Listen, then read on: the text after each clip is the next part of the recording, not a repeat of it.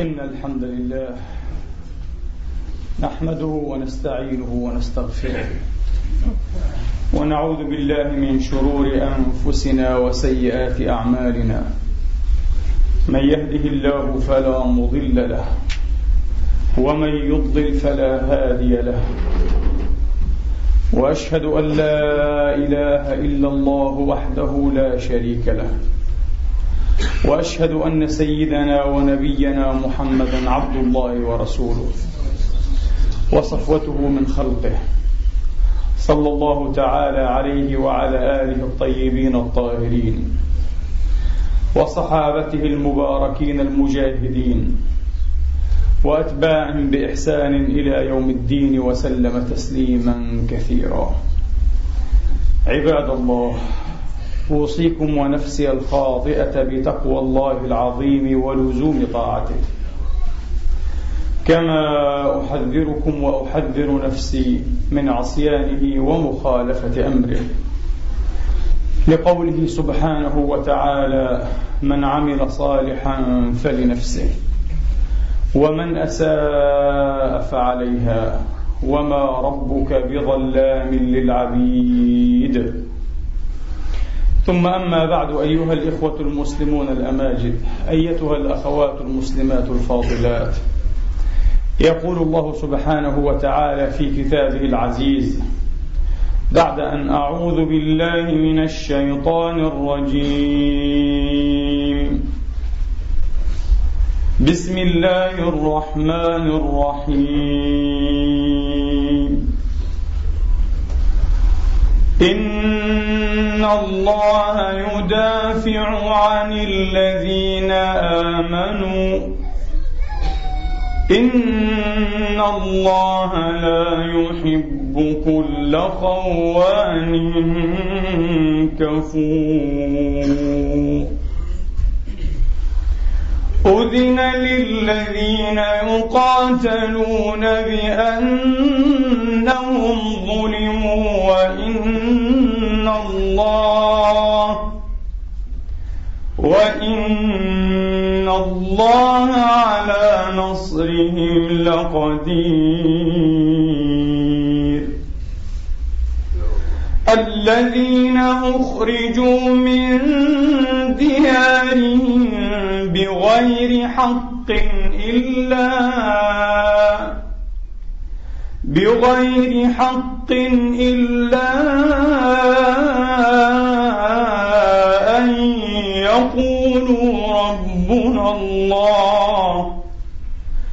ولولا دفع الله الناس بعضهم ببعض لهدمت صوامع وبيع لهدمت صوامع وبيع وصلوات ومساجد. ومساجد يذكر فيها اسم الله كثيرا. ولينصرن الله من ينصره. إن الله لقوي عزيز الذين إن مكناهم في الأرض أقاموا الصلاة أقاموا الصلاة وآتوا الزكاة وأمروا بالمعروف ونهوا عن المنكر. ولله عاقبة الأمور. صدق الله العظيم وبلغ رسوله الكريم ونحن على ذلك من الشاهدين. اللهم اجعلنا من شهداء الحق القائمين بالقسط. آمين. اللهم آمين. أيها الإخوة الأفاضل أيتها الأخوات الفاضلات كما ترون وكما تسمعون قد أوفت الكذبة الأمريكية على غايتها وتعرت وانكشفت وافتضحت تماما وبالكلية فالحرية والديمقراطة الموعود الموعودتان. ليستا إلا القصف والدك والتخريب والتدمير والترويع والقنص والتقتيل. وهذا أيها الإخوة ليس استثناء في تاريخ هذه الأمة إنهم دائما مذ كانوا كانوا هكذا. هؤلاء الأمريكان مذ كانوا كانوا هكذا بالضبط لم يتغير شيء. ومنذ أيام السكاكين الحادة الطويلة سكاكين كيت كارسون وإلى صواريخ مايرز ومن قبله شفارتسكوف والآن رامسفيلد أيها الإخوة الوضع لم يتغير فيه شيء. كانت السكاكين الحادة سكاكين كارسون هي السلف القديم لصواريخ القتلة المعاصرين. لم يتغير في المشهد شيء. ولقد تسألون من هو كيت كارسون هذا؟ أحد الذباحين وأحد من ملايين. سأحدثكم عن حفنة من هذه العائلة السيئة سيئة الذكر والسيرة. بعيد قليل إن شاء الله تعالى. كان أحد الذباحين الذين يشحذون سكاكينهم جيدا لذبح الهندي الأحمر الوادع المسالم الحكيم الصميط المسكين. وخلد. هذا الذباح أيها الإخوة القتال لأن السكاكين الجيدة الأمريكية تحمل هذا الاسم وهذا الطابع. سكاكين كارسون أيها الإخوة. نستخدمها دون أن نعرف من هو كارسون. أحد الذباحين الذين ذبحوا المئات والآلاف كبارا وصغارا. كانوا يشرحون الأطفال الهنود تشريحا يقطعونهم ويأخذون أجزاء من أجزائهم كتذكارات فتشية. كتذكارات فتشية شيئية عضوية يبعثون بها إلى تينيسي وإلى مختلف الولايات إلى أحبابهم وذوي قراباتهم. أجزاء من أعضاء بشرية. ما يقع اليوم أيها الإخوة في فلسطين وفي العراق للأسف أمس كنا بفلسطين وحدها واليوم صرنا بفلسطين وبالعراق. ولا ندري ولا قدر الله إلى ماذا نصير وتصير هذه الأمة غدا أو بعد غد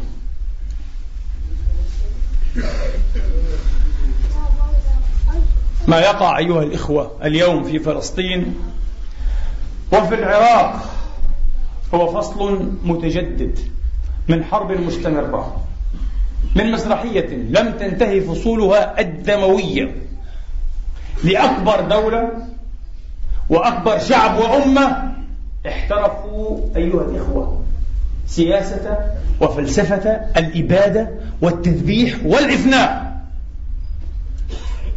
يتحدث بعض الناس ببراءة علمية عن مذابح هؤلاء القتلة في الفلبين وفي فيتنام وفي غيرها وغيرها وينسون المذبحة الكبرى التي لم يسجل التاريخ لها نظيرا أو مثيلا.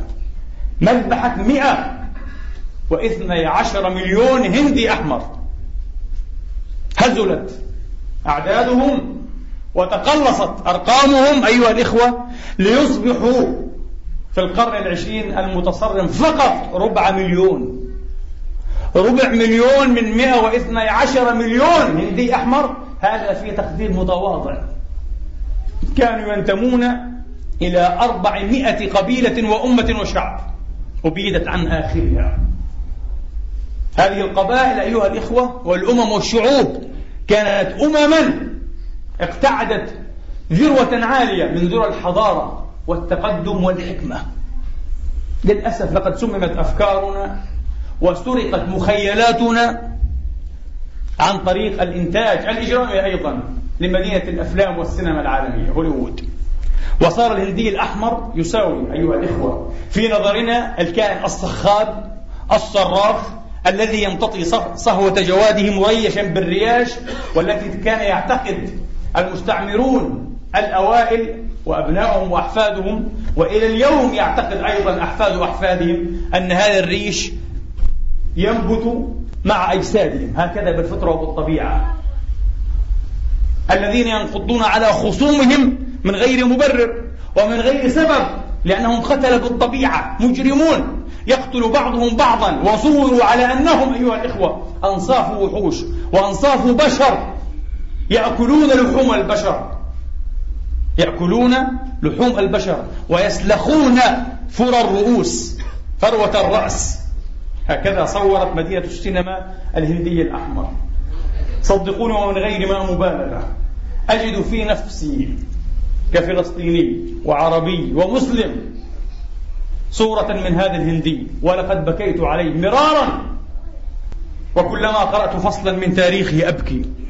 لأنني أجد نفسي في مرآته هل تعلمون أن هؤلاء ذبحوا أيضا بالملايين نيابة عنا؟ لقد ذبحوا على أنهم شعب كنان أو كنعان الملعون. ومن الذي ذبحهم؟ الإسرائيليون.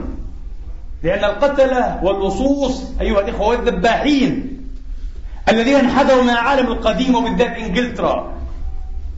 الدولة رقم واحد في سياسة الإبادة والإفناء عالميا كما يقول المؤرخون. رقم واحد عبر التاريخ. في إفناء الشعوب والحضارات وتدمير المدن وكل مظاهر الحياة.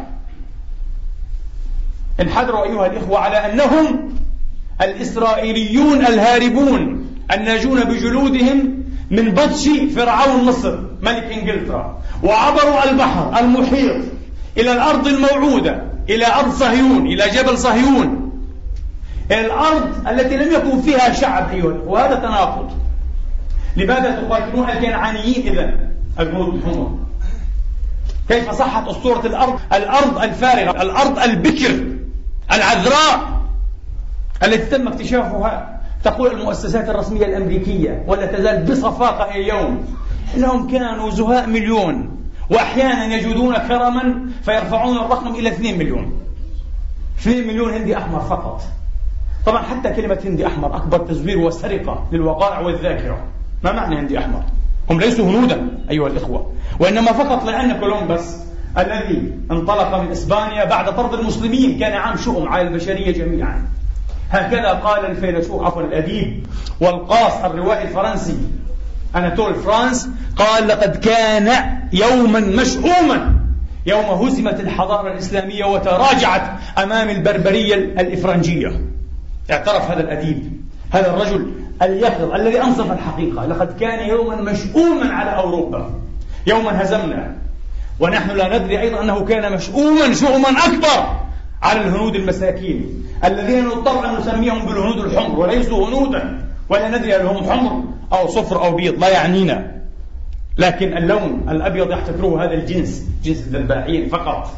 الأمريكان وأسلافهم يحتكرون هذا اللون. كان يوما أسود مشؤوما عليهم في نفس السنة التي سلمت فيها غرناطة 1492 تم اكتشاف العالم الجديد بطريق التقدير الإلهي. لا نقول الصدفة. والرجل فوجئ لأنه يريد الهند أيها الإخوة لاعتبارات اقتصادية وتجارية وتوسعية. ولذلك رأى أن يسميهم بالهنود الحمر وليسوا هنودا أيها الإخوة. وليسوا شعبا واحدا إنهم أكثر من 400 شعب وأمة أيها الإخوة. كل المصادر الأمريكية تسميهم القبائل أو الناس. لا يسمونهم أيها الإخوة peoples أو nations شعوب أو أمم ممنوع لأنهم كانوا قلة أقل من أن يشكلوا شعبا أو أمة. قبائل قبائل جماعات جروبس من البشر. بالعكس كانوا أمة. الشهادة الوحيدة تأبى الحقيقة كما أقول دائما إلا أن تدفع وأن تدافع عن نفسها. الشهادة التي قدر الله أن تستبقى حية إلى يوم الناس هذا هي شهادة المطران بارتولميو دي لاس كازاس الإسباني والذي عاش خمسين سنة شاهدا على مذابح مروعة على مقاتل على فظاعات. يقول أشعر بالقي بالتقزز حين أسجلها. ولأول مرة وبالفرنسية قبل أشهر طبعت موسوعته العظيمة أيها الإخوة والمنصفة في ثلاث مجلدات كبار تحت عنوان تاريخ الهند. أما أنا فقد قرأت شهادته المختصرة كما قال والوجيزة جدا عن خمسين سنة قضاها وراء كيف كان المسيحي البرتغالي والمسيحي الأسباني يبشر بكلمة الرب بين هؤلاء الوحوش المتأبدة يخاطبهم بالأسبانية. عليكم أن التي لا يفهمونها ولا يعقلون حرفا منها. عليكم أن تخضعوا لنا وأن تلبوا رسالتنا وأن تستجيبوا لنداء الرب وإلا فالقتل. ولا يفهمون شيئا. وهكذا يمهلهم بعض ليلة حتى إذا أصبح الصباح أصبح عليهم وقد أضرمت فيهم النيران.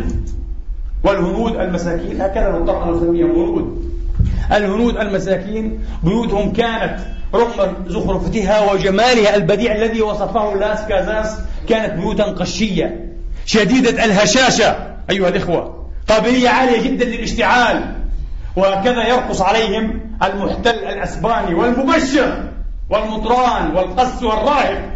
لاس كازاس كان حالة شاذة جدا من هؤلاء. كان يتقيأ يتقزز من هذه الوحشية التي تتم والفظاعات ترتكب باسم المسيح وباسم الكتاب المقدس. وكان ينكر دائما لكن لا حياة لمن تنادي. صوت في برية أيها الإخوة كصوت يحيى عليه السلام. صوت في برية. لا يسمعه أحد يقول لقد رأيتهم بأم عيني مئات المرات يأخذون بالطفل الصغير الوليد يلوحون به بعنف في الهواء ثم يضربون به عرض الحائط فينفجر دماغه ويقفعون آلاف الأطفال ملايين ماتوا بهذه الطريقة.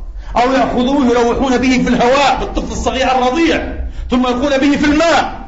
فيصرخون يقهقهون قهقهات هستيرية بارانوية يقولون إنه يختلج. يا للعجب إنه يختلج. يعجبون أن فيه سر الحياة لأنها لا تكون في أمثال هذه البهائم في أمثال هذه الوحوش. لاس كازاس في شهادته اليتيمة الوحيدة التي حفظت لنا ويجري الآن في إسبانيا ترميم المخطوط من جديد وهذا جهد مشكور لبعض ذوي الضمائر الحية الذين اضطروا ألا يعترفوا بالحقيقة بعد أن أشهرت نفسها وبعد أن فضحت تاريخا وسجلا حافلا بالجرائم والعذابات والمرائر والفظاعات التي ما سمع البشر بمثلها من هو جنكيز خان؟ من هو كاليغولا؟ من هو نيرون؟ هؤلاء صناع يدويون متواضعون إذا ما قيسوا إلى هؤلاء القتلة المتمرسين. صناع يدويون متواضعون جدا جدا. يتحدثون كيف هرم جنكيز خان الأهرامات؟ كيف هرم أهرامات بجماجم ضحايا؟ أهرامات؟ أهرامات صغيرة جدا بضعة أمتار. لكن أن يقضي أيها الإخوة مليون واثنا عشر مليون إنسان على فكرة لاس كازاس يقول في تقديري لم أر بلادا حافلة بالحياة وتغص بالبشر كهذا العالم. عالم الهنود الحمر. بشر بالملايين. قال ربما يكونون مليون مليون مليار. أمريكا تجعلهم الآن 2 مليون. لاس كازاس الشهيد الحي أيها الإخوة على المجازر وعلى مدى خمسين سنة؟ يقول ربما كانوا مليار. مليون مليون. قبائل مئات القبائل. لذلك الآن الدراسات أيها الأخوة التاريخية ودراسات تستند إلى منهجية جديدة بديعة منهجية علم الآثار الزراعي الكارشا أركيولوجي بواسطة علم الآثار الزراعي أيها الأخوة عرفوا أن هناك مئات الملايين. مش مليون واثنين مليون مئات الملايين. علم جديد. طوره بعض أيضا الباحثين النزيهين أصحاب النصفة. والضمائر الحية. أما كازاس فيقول ربما كانوا مليون مليون حتى لكأن يد القدرة لم تغرس بشرا في أرجاء المعمورة بمثل هذه الكثرة هذه شهادة الرجل. لكن لابد أن يقلصوا كما قال أحد الباحثين لأن ابتلاع حسكة صغيرة ممكن. على هؤلاء القتلة أكلت لحوم البشر. وعلى فكرة تسجل الروايات التاريخية التي كشف بعض باحثين عنها. نعم وفي الحقيقة أنهم كانوا يأكلون أحيانا اللحوم البشرية. نعم المبشرون الإسرائيليون الإنجليز الذين يقولون نحن يهود الروح وأما يهود اليوم فيهود الجسد نحن أكثر يهودية منهم. هؤلاء تسجل الشهادات أنهم كانوا أحيانا ينبشون القبور ليستخرجوا منها الجواهر والحلي والأشياء الثمينة ويأكلوا الأجساد الجثث عفوا الطازجة. يأكلونها. قتلة. مجرمون متوحشون. تاريخهم تاريخ الوحشية. ما هو المبرر اليوم؟ لقصف الفلوجة. لقصف جنين العراق. الفلوجة هي جنين العراق اليوم. على مشهد ومرأة من العالم. كلها أيها الإخوة العالم الذي داس الضمير بقدمه من غير رحمة. العالم الذي شهد ويشهد على الكذبة الأمريكية. على فكرة أكبر براعات هذا الشعب المجرم أكبر براعات هذه الإدارات القاتلة الوحشية هي براعة الكذب. لو سئلنا ما هي أعظم مواهب وبراعات الأمريكان؟ الكذب. حتى هنا في أوروبا مشهورون بالكذب. يقولون هو أمريكي. طريقة أمريكية. يعني طريقة الكذب والمبالغات والنفش أعظم براعاتهم. لكن بحمد الله أعظم براعاتهم التي استخدموها كسحر يخدرون به الضحايا. ريثما تفترس أيها الإخوة. لقد خدروا الضحايا. أريد اليوم أن أسمع أيها الإخوة إلى سخيف إلى صفيق إلى خائن لوطنه ودينه وقوميته وإنسانيته. يزعم مرة أخرى أن الأمريكان جاءوا ليحرروا الشعب العراقي. أحب أن أست... فقط أن أستمع إلى أمثال هؤلاء السخفاء الذين يجب أن يكون مصيرهم مصير الأمريكان أنفسهم. كذب أكبر كذبة أيها الإخوة. وبعد أن كشفت كذبة أسلحة الدمار الشامل لم نسمع المجتمع الدولي كما يسمى أيها الإخوة يطالب هذه الدولة الذباحة القتالة أن تخرج إذا أخرجي. بهذه الذريعة السخيفة دخلت فاخرجي سكتوا جميعا مجرد كذبة. هي شطر بسيط من الكذبة الكبرى أيها الإخوة. والآن بأي مبرر تقفص الفل... تقصف الفلوجة أيها الإخوة؟ وعلى فكرة اليوم وقبل أن نأتي إلى هذه الصلاة المباركة نسأل الله يجعل كلماتنا في سجلنا يوم القيامة وأن يحيى بها ميت القلوب والضمائر وأن يرفع بها الأطفال إلى مرتبة الرجولة. لأن هناك أيها الإخوة هناك منا من هذه الأمة أطفال لا يزالون. في العقد الرابع أو الخامس أو السادس إلا أنهم أطفال. لا يفكرون إلا في لباسهم وأكلهم ومراكبهم ومراتبهم أيها الإخوة ومرتباتهم. أما أن يفكر فعلا بتهمم حقيقي وبإخلاص في أمته وقضايا أمته فهو لا يزيد في ذلك إن فعل على إنسان صاحب ضمير حي من غيرنا. كل أصحاب الضمائر الحية أيها الإخوة في العالم كله يتمنون لهذا الاحتلال أن يخرج. احتلال ملعون ظالم. الشعب الفلسطيني مظلوم والشعب العراقي مظلوم. فقط هذا يكفي؟ يكفي هذا من أبناء الأمة في قضايا أمتهم. أيها الإخوة قبل أن نأتي لهذه الصلاة المباركة استمعنا إلى أخواننا المجاهدين الأشاوس الميامين العراقيين يهتفون. خيبر, خيبر يا يهود جيش محمد سوف يعود. لا يخاطبون الأمريكان يخاطبون اليهود. وقد يأتيك متفلسف عربي صفيق أيضا. من أصحاب الأدمغة التي made in USA الأدمغة التي صنعت هناك. ليس عندنا وليس منا. وإن كان من جلدتنا ويتكلم بلساننا على استحياء ويتكلم بهذا اللسان على استحياء ضرورة التواصل. وإلا فهو جد مغرم أن يتكلم برطانتهم أيها الإخوة برطانة الأمريكان. جد مغرم. هذا قد يزعم أيها الإخوة أن هذا الشعب فقد عقله. وأصيب بالحول لأنه يسدد غضبه ونقمته على الصهاينة مع أنه ينبغي أن يخاطب الأمريكان المحررين الذين جاءوا لينعموا عليه بنعمة الديمقراطية والحرية. كلا! بالعكس هذا العراقي الماجد الشامخ الطود الراسخ حين يتوعد الصهاينة في العالم هو أحسن وعيا وأنفذ بصيرة وأثقب نظرا من كل هؤلاء المتفرجة من كل هؤلاء الدخلاء من كل آباء رغال هؤلاء لماذا؟ انظروا أيها الإخوة لو عرض اليوم مشهد تلفزيوني متلفز لما جرى ويجري في فلسطين المحتلة وآخر لما جرى ويجري في العراق المحتلة هل يستطيع واحد منا أيها الإخوة أن يميز أمريكانية هذا المشهد أو صهيونية هذا المشهد. كل منهما يصح تماما أن يكون أمريكيا أو صهيونيا. لماذا؟ الأهداف واحدة. الطريقة والأسلوب والآليات المستخدمة. واحدة. قصف مخيمات عزلاء مخيمات مدنيين. لا شك أنها مخيمات حية. ليست مخيمات كقبور الهنود الحمر. والهندي الجيد هو الهندي الميت. ليست مخيمات القبور إنها مخيمات أناس تنبض فيهم أيها الإخوة عروق الحياة. يجري في وجوههم ماء الحياة. ولذلك لا بد وحتما ولا مناص من أن يكون منهم من يحمل سلاح يدافع عن أرضه عن مسجده عن مقدساته عن أخته عن أمه عن عرضه. واليوم سمعنا شيخا يتحدث عن أعراض أخواتنا وأمهاتنا في العراق التي تنتهك في المعتقلات وفي غيرها. والكل يعلم هذا.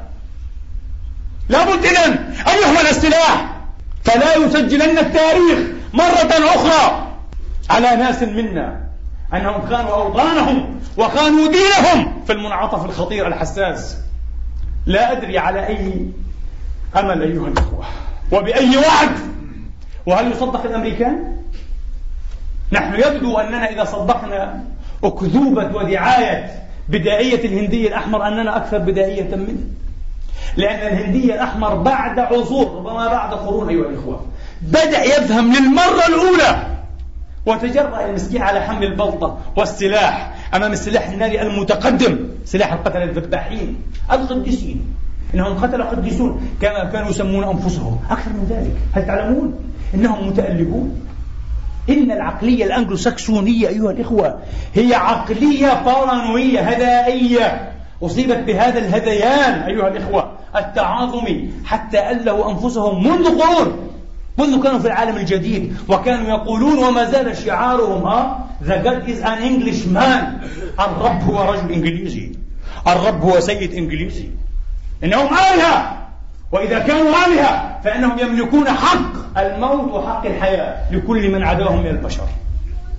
ومن هنا المحاولات الشرسة لتوحيش الآخرين إنجاز التعبير وسيطرة الآخرين كلنا أشرار والتساهل مع الأشرار شر هكذا يقولون أيضا. أسلاف جورج بوش هكذا قال جده أيها الإخوة هكذا قال لعنة الله عليهم جده في كتابه حياة محمد The Life of Muhammad The Founder of Religion Islam. مؤسس دين الإسلام. هذا جورج بوش الجد كتب كتاب اسمه حياة محمد. مؤسس دين الإسلام ومؤسس دولة السراسنة. السراسنة كان يطلقها الصليبيون في العصور الوسيطة على المسلمين والعرب. القتلة المتوحشين كلمة هكذا توحي السراسنة.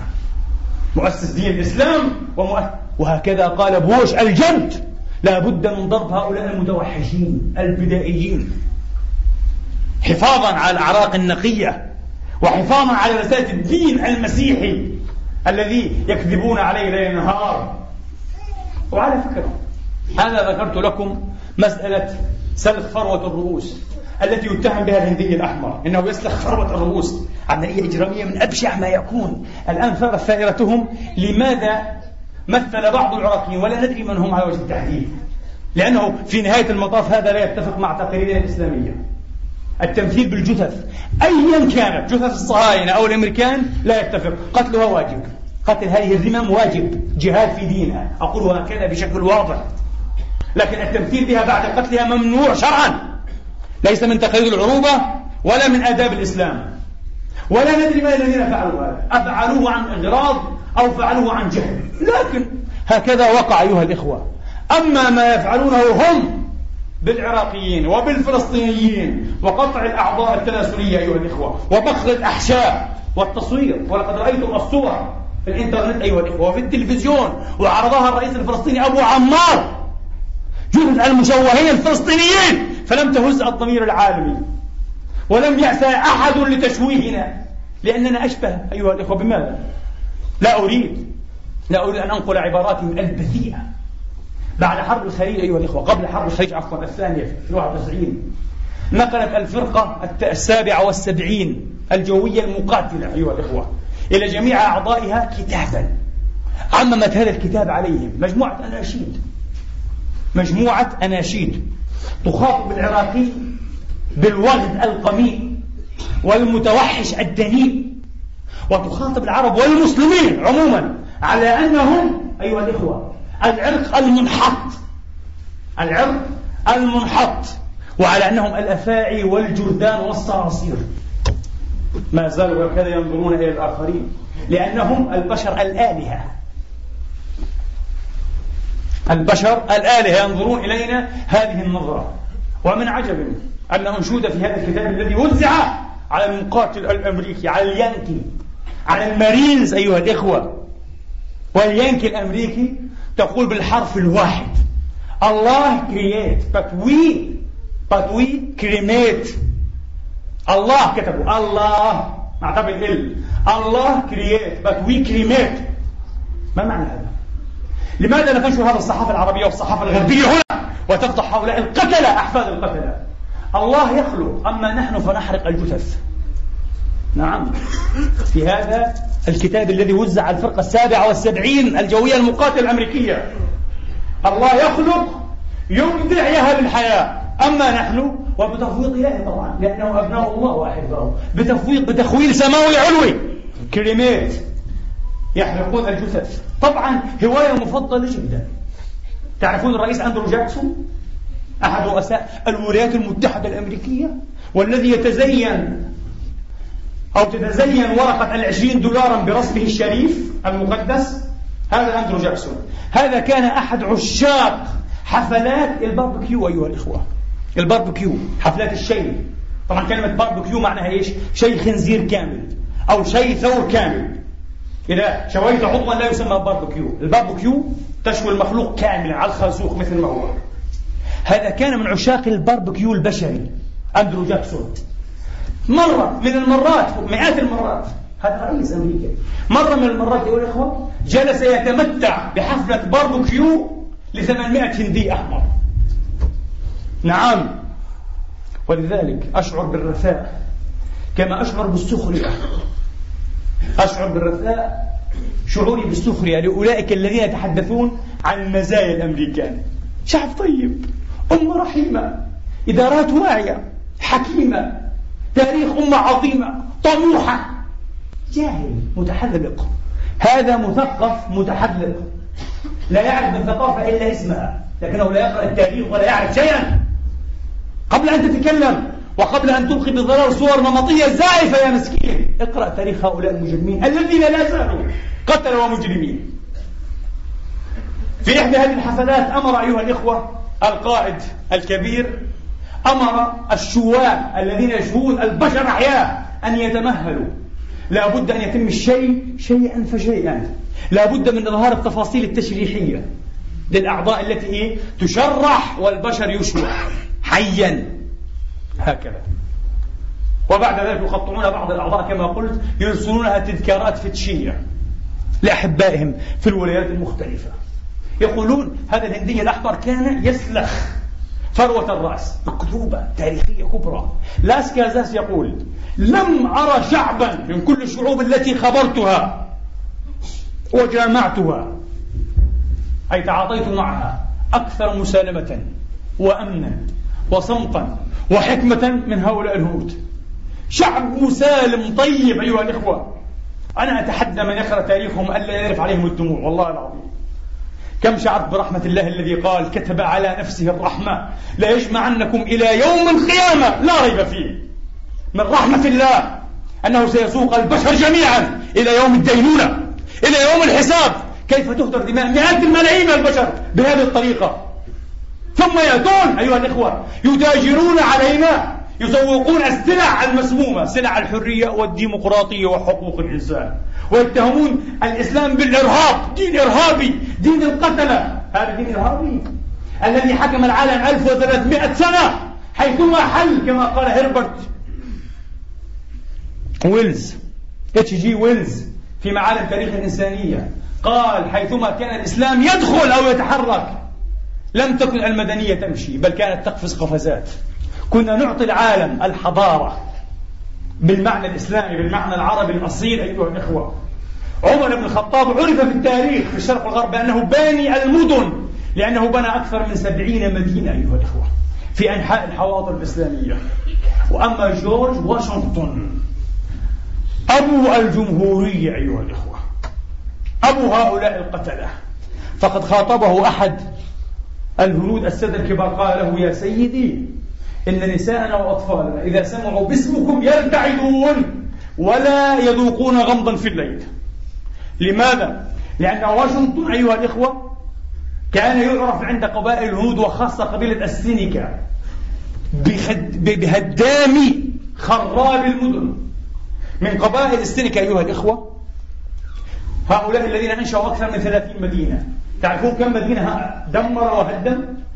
28 مدينة. وأبقى ثنتين أيها الإخوة لا غناء فيهما. اسمه هدام المدن. وعمر هو أبو المدن في التاريخ. من الإرهابي؟ من الذي يتحدث عن قيم وعن الأخلاق؟ يا حسرتا علينا. يا حسرتا على الإسلام والله العظيم أيها الإخوة. والله العظيم إن البشرية جميعا اليوم تحتاج هذا الدين الخضيم هذا الدين المظلوم هذا الدين المحروب. لأنه وحده صدقوني وأنا أقرأ هذه الفصول. بدأت أشك في مصداقية كل الشرائع الأخرى والديانات ولأقولها صريحة يبدو أن التحريف الذي جرى واصطنع أيها الإخوة على النصوص التي دعيت مقدسة قد أفسد بقية الخير التي فيها. لذلك كل هذا التاريخ والسجل الأسود الحافل أيها الإخوة بالمآسي والفظاعات كان يستند ولا يزال للأسف الشديد إلى الكتاب المقدس. هذا قدر. هذا قدر إلهي. الدور الخلاصي لهؤلاء القديسين قد رسمه القدر والذي يسمى في العقيدة الأمريكية الوسطى والحديثة بالقدر المتجلي المانيفستستني القدر المتجلي قدر أن يسوق العالم كله إلى نمطهم في الحياة إلى أنموذجهم في العيش والتحضر. ومن أبى فليس له إلا الذبح. ومن أبى فليث له إلا الذبح. وهذا القدر المتجلي يقضي كما قضى في أكثر الأحيان بإبادة الشعوب حين يتحدث بعض الناس عن المنشأ الحقيقي لهذه الفيروسات القاتلة التي ما سمع الأولون بمثلها لاحقتهم السخرية وهؤلاء مغافين مغفلون أيها الأخوة تعرفون لماذا؟ لأن هؤلاء الأمريكان أنفسهم بذواتهم الذين أبادوا وأفنوا على الأقل 112 مليون من الهنود الحمر. وعلى فكرة هم لا يزالون يلاحقونهم بالإبادة. يلاحقون من؟ ربع مليون. ربع مليون. طبعا إحدى المجلات العلمية أجرت تحقيقا كشف عن فضيحة كبرى. نساء هنود قبيلة النفاهو قبيلة النفاهو الهندية الحمراء أيها الأخوة. تبين أن 30.7 من عشرة بالمئة منهن وكلهن دون الثلاثين معقرات. تجرى لهن وأجرت لهن عمليات تعقير في المستشفيات الأمريكية. حتى هذا الربع مليون ليس له حق في أن يعيش. سلبوا أرضه كل أرضه وليس له الحق أيضا في أن يعيش. لابد أن يعقر. وهل نحن بنجوة من هذه المحاولات؟ اليهود يفتعلونها صباح مساء. يضعون البودرة وأشياء غيرها لا نفهم تركيبها؟ لنا في المياه أيها الإخوة. عملوا أشياء فظيعة عجيبة لكن الله يدافع عن الذين آمنوا. لكي يعقروا الشعب الفلسطيني. الأطنان آلاف الأطنان أيها الإخوة. من اليورانيوم المنظم والمخصب التي قذف بها في أرض العراق وصحراء العراق. لماذا؟ لكي تجعل وجود هذا الشعب مستحيلا. قتل الأطفال في العراق كما قتل الأطفال في فلسطين. وعلى فكرة منظمات حقوق الإنسان في العالم تقول إن الأطفال الصغار الذين قتلوا بيد الجيش الصهيوني الإسرائيلي أكثر من مجموع المسلحين الذين قتلوا حتى بالاغتيالات أطفال. ما هو مغزى؟ ما هي دلالة قتل الأطفال؟ شيء واحد. دلالته شيء واحد. لكي يكون وجود الفلسطيني مستحيلا. لكي يكون ويصير وجود العراقي مستحيلا. لكي يكون وجود المسلم مستحيلا. هكذا. فنعود إلى قضية فروة الرأس أيها الإخوة. بالعكس هذا ابتداع إنجليزي. لم يعرفه الهنود الحمر ولم يمارسوه لأنهم لا يحبون الأنثروبولوجي الأمريكي الشهير جورج جرينر هذا الرجل درس حياة الهنود وواقعهم وهنود السهل الأوسط كما يقال. مكث سنوات. قال هؤلاء الناس براء مما ألصقنا بهم. إنهم مسالمون إلى حد البراءة. مسالمون إلى حد البراءة. الهندي يعتبر أن شكلا من أقصى وأفظع أشكال العدوان أن تلمس خصمك بيدك. ممنوع اللمس. ممكن بالكلام. ولذلك يقول أنثروبولوجي آخر إن حروبهم أشبه بالعروض المسرحية حتى في حروبهم أوادم. بشر أكثر منا بشرية. أكثر منا إنسانية أيها الإخوة. والهندي أيها الإخوة يعتبر مما يتجافى مع تقاليد الفروسية والشجاعة أن تحمل سلاحا يطال خصمك عن مبعده. مش صحيح. ولذلك أعلى تقاليد الشجاعة الفروسية أن تسيء الهيجة بلا سلاح. وتمارس الحرب مع خصمك. فإذا استطعت أن تضرب خصمك دون أن تؤذيه فأنت الفارس الكامل. ممنوع الإيذاء ممنوع الكسر. ممنوع إسالة الدماء. هذا هو الهندي. ولذلك يقول لاس كازاس وجدتهم كأطفال براء بأي حق يذبح هؤلاء؟ ويصورون كوحوش وشياطين بأذناب. كان الإنجليز أيها الإخوة إلى وقت قريب جدا يعتقدون ويعلمون أطفالهم أن أكثر الشعوب الأخرى والبشر الآخرين وحوش. نصفهم بشر ونصفهم وحش. ويصدقون هذه الفرية. توحيش الآخرين وشيطنة الآخرين هي الخطوة الأولى. لماذا أيها الإخوة؟ لذبحهم لإفنائهم هكذا يكتسب حق التضحية بالآخر كما يقال. إن لديهم هذا الحق أن يضحوا بالآخر. حق التضحية بالآخر.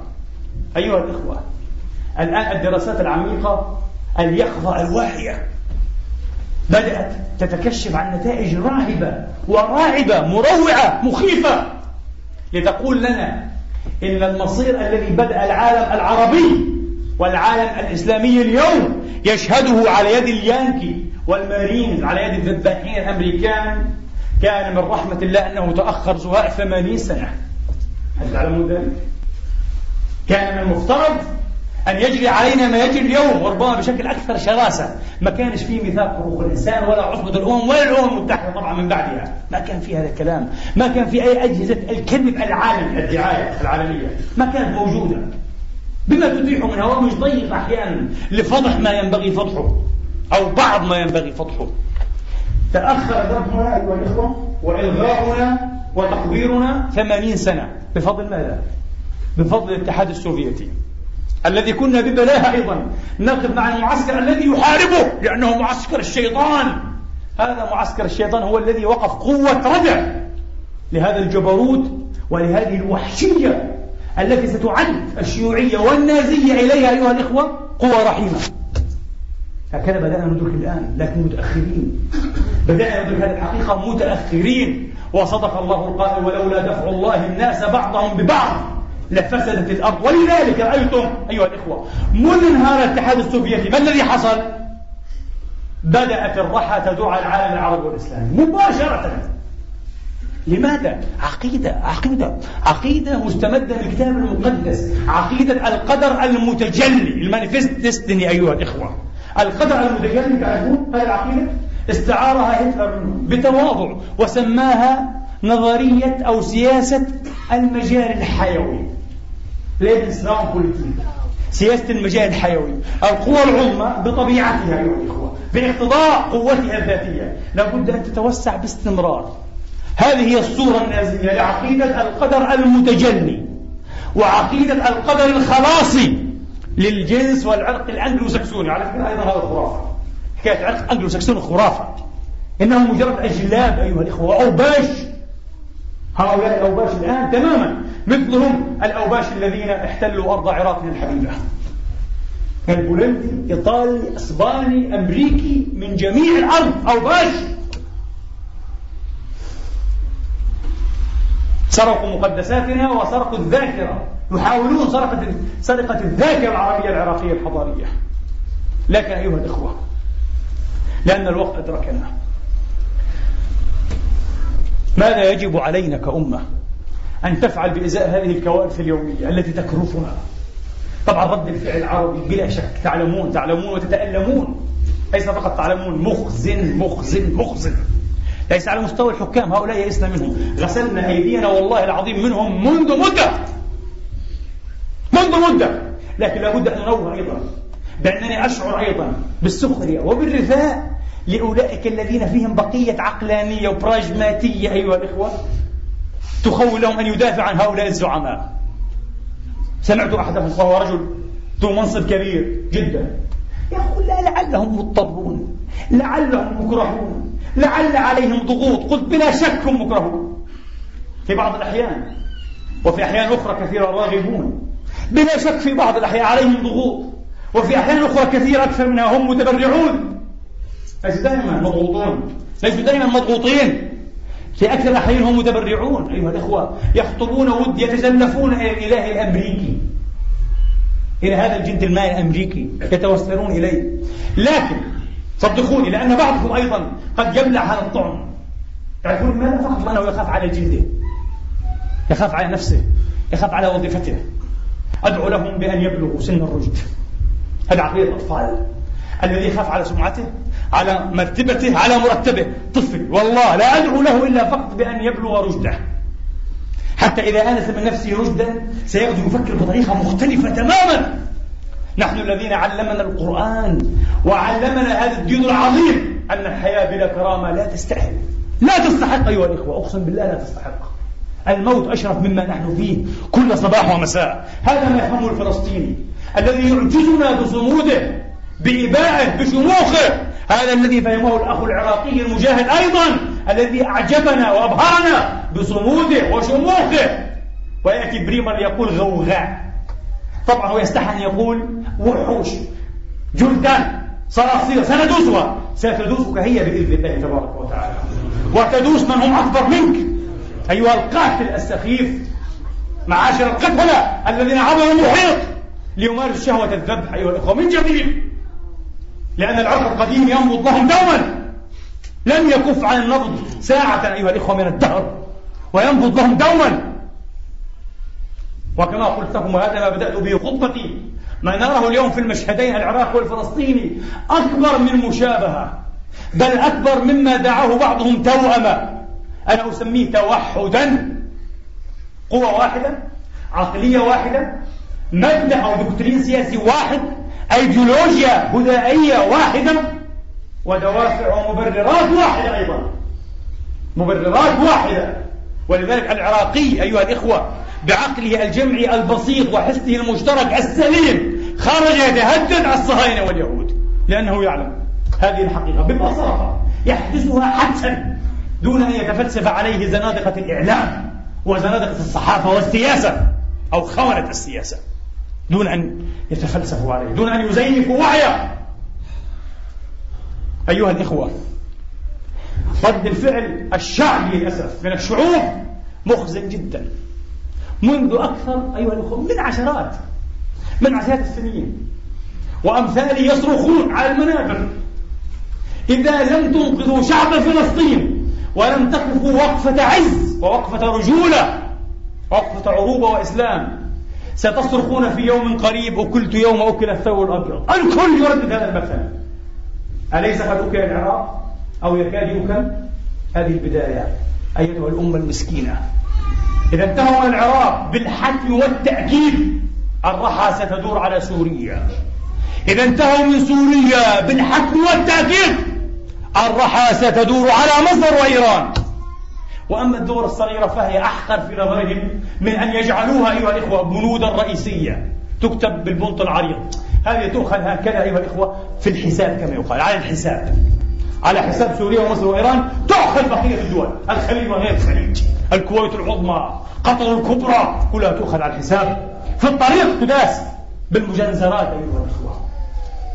يجب أن نفهم هذه الحقيقة واضحة جدا. للأسف أسأل الله تبارك وتعالى ألا يتحقق هذا. على الأقل في جيلنا في عمرنا. أقد كتب علينا أيها الإخوة ألا نشهد يوما واحدا نرفع فيه رؤوسنا. ما أتعسنا من جيل. يا لتعاستنا لن نشهد يوما واحدا نفرح فيه بنصر حقيقي. أكتب علينا أن نقضي أيضا جميعا هذا الجيل. والجيل الذي سبقه وسبقه. دون أن نتشرف أيها الإخوة برفع الرؤوس يوما. فنسأل الله أن لا يقع هذا في زماننا. ولا قدر الله أن يكتب هذا على هذه الأمة. لكن لا أدري هناك حديث في الصحيح في صحيح مسلم عن رسول الله. تحدث فيه وذكرناه قبل أكثر من عشر سنين. وأنذرنا بموجب هذا الحديث وأمثاله ولسنا من أصحاب النبوءات. لكن نحاول التطبيق. وقد يصح وقد لا يصح تطبيقنا هذا. النبي تحدث عن العراق وجعلها البداءة وكيف ستمنع العراق اردبها وقفيزها وكيف ستمنع سوريا. وكيف ستمنع مصر.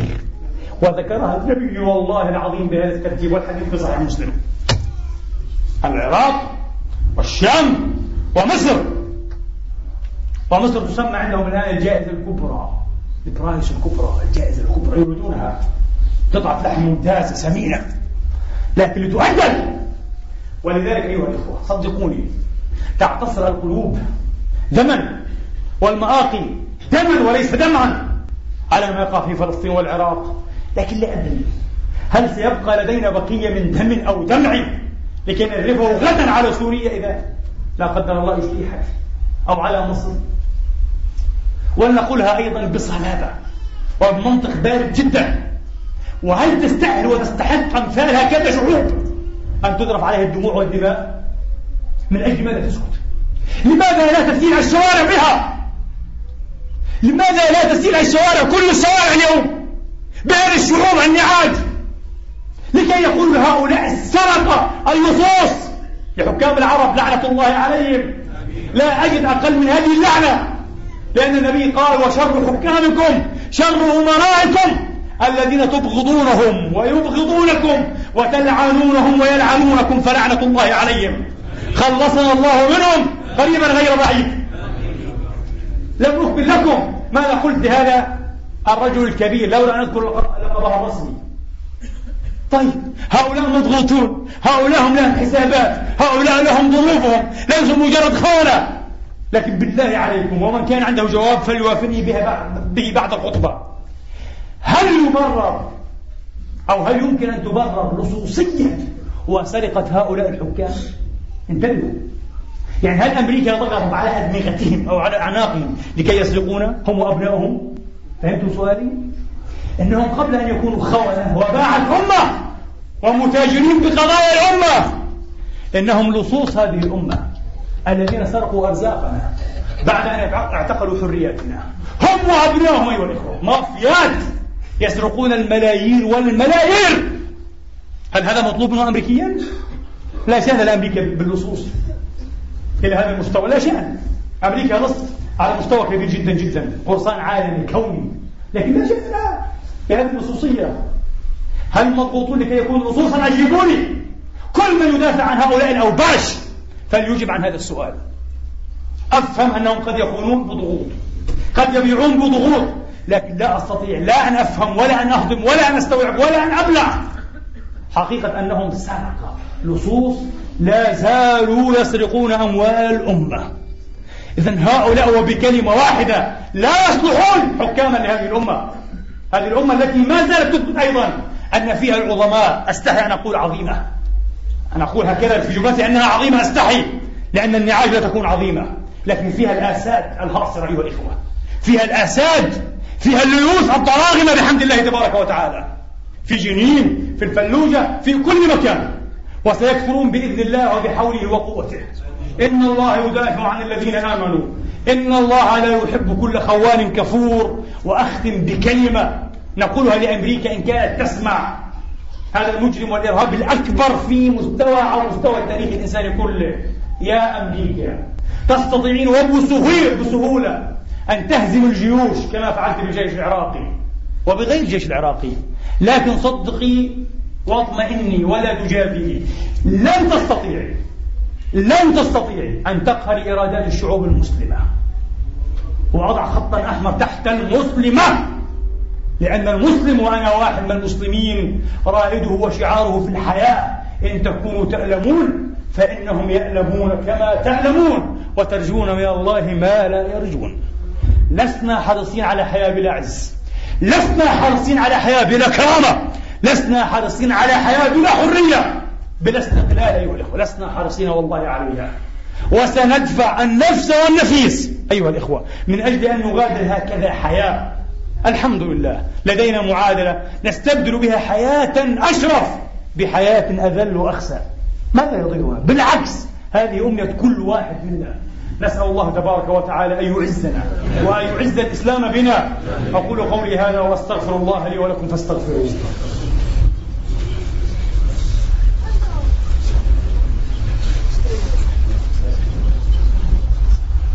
الحمد لله. الحمد لله الذي يقبل التوبة عن عباده ويعفو عن السيئات ويعلم ما تفعلون. ويستجيب الذين آمنوا وعملوا الصالحات ويزيدهم من فضله. والكافرون لهم عذاب شديد. وأشهد أن لا إله إلا الله وحده لا شريك له. وأشهد أن سيدنا محمدا عبده ورسوله. الضحوك القتال. صلى الله تعالى عليه وعلى آله الطيبين وصحابته المجاهدين. وأتباعهم بإحسان إلى يوم الدين وسلم تسليما كثيرا. أيها الإخوة الأفاضل أيتها الأخوات الكريمات قبل أن نغادر هذا المقام الكريم لا بد أن نشير إلى بعض ما يجب علينا في أمثال هذه الأحوال المتصلة والممتدة. أقل ما نستطيع أن نجود به أيها الإخوة. هنا هنا والآن أن نجود بشيء من أموالنا. ولو طلب علينا أن نجود بكل ما نملك ما كان كثيرا على شعب العراق وفلسطين والله العظيم. ما كان كثيرا. ولعل ذلك أن يبرئ بعض ذمتنا عند الله تبارك وتعالى. ولذلك أيها الإخوة جودوا بما تستطيعون. لا تبخلوا لا أقول على إخوانكم لا تبخلوا على أنفسكم. لأن القضية قضيتكم. القضية قضيتكم. قضيتك أيها السوري أيها المصري أيها السعودي أيها الكويتي أيها العربي أيها المسلم في كل مكان. قضيتهم. لأنك التالي لا قدر الله. أنت على الدور. فجد. والآن إذا كسرت الإرادة الأمريكية وإذا أرغم أنف الجيش الأمريكي التراب إن شاء الله. ونسأل الله اللهم إنا نسألك بأسمائك الحسنى وصفاتك العلى. يا جبار يا علي يا عزيز يا منتقم. أن تمرغ أنف أمريكا في تراب العراق. اللهم لا تخرجها إلا مقصورة مدحورة قليلة واجعل آخر أيام عزها. ذلك اليوم الذي تعز فيه عبادك المسلمين فإنه لا يعجزك ذلك يا رب العالمين. اللهم أرنا فيهم تعجيب قدرتك. اللهم أدر عليهم دائرة السوء فإنهم لا يعجزونك يا رب العالمين. اللهم أصلح ذات بين المسلمين. اللهم ألف بين قلوبهم. اللهم اجمع شملهم. اللهم لم شعثهم اللهم صوب خطوهم. اللهم سدد رميهم. اللهم اجعل بأسهم شديدا شديدا شديدا في قلوب أعدائهم. يا رب العالمين.